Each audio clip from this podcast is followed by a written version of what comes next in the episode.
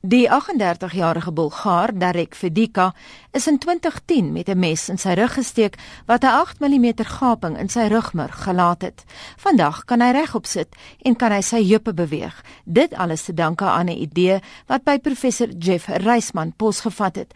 Hy het gister vanuit Londen aan Monitor verduidelik hoe dit alles begin het. It was an idea. The everything depends on an idea. The idea was that the brain is in a state of continual change. And the observation that made me think that was seeing that after connections are lost, the brain forms new connections.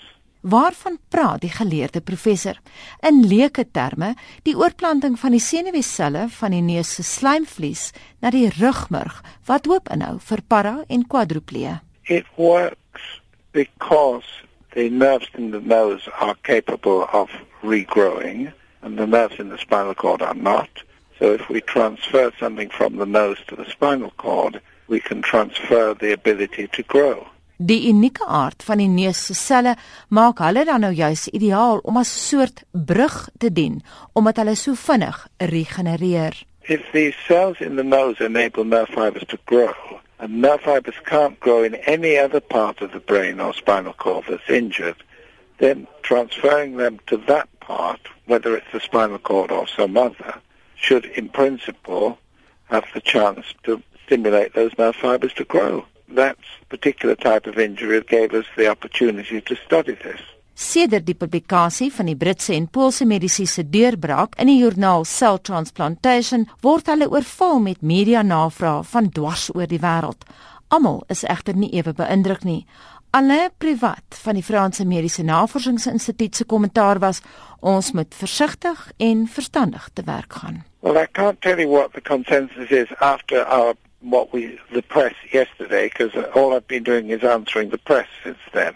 So I don't know what the consensus is. Nog 'n skeptikus is Dr. Simon Di Giovanni van die Imperial College London.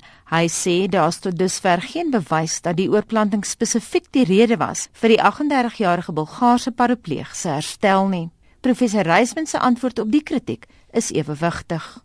I can't answer that. We think it is so.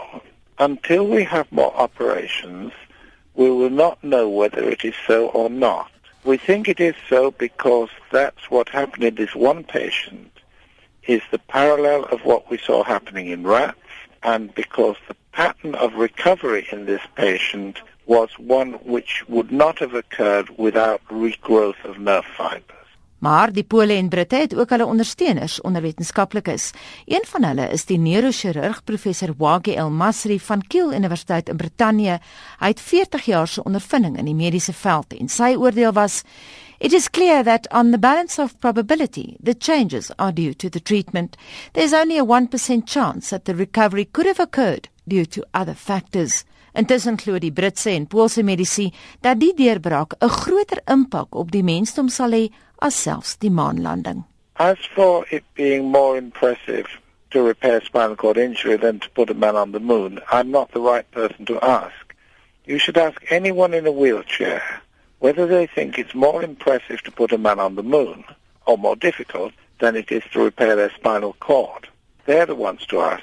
You will see what answer they give you. Maar wat is dan nou die volgende stap? Clinical trials are too far ahead for us. This is the first patient. The next step is for the Polish neurosurgeons to see if they can repeat this in other patients, maybe two or three patients, and to see if they can improve the procedures that were used in this first patient. Dis word geduld vir eers benodig. I would guess that if we can in the next 5 years show that this can be repeated, then other people will pick up this procedure and develop it. So I would think we are still talking about 10 years ahead. And would there be immense cost implications? I mean, would this kind of operation be available to your average Joe? Yes.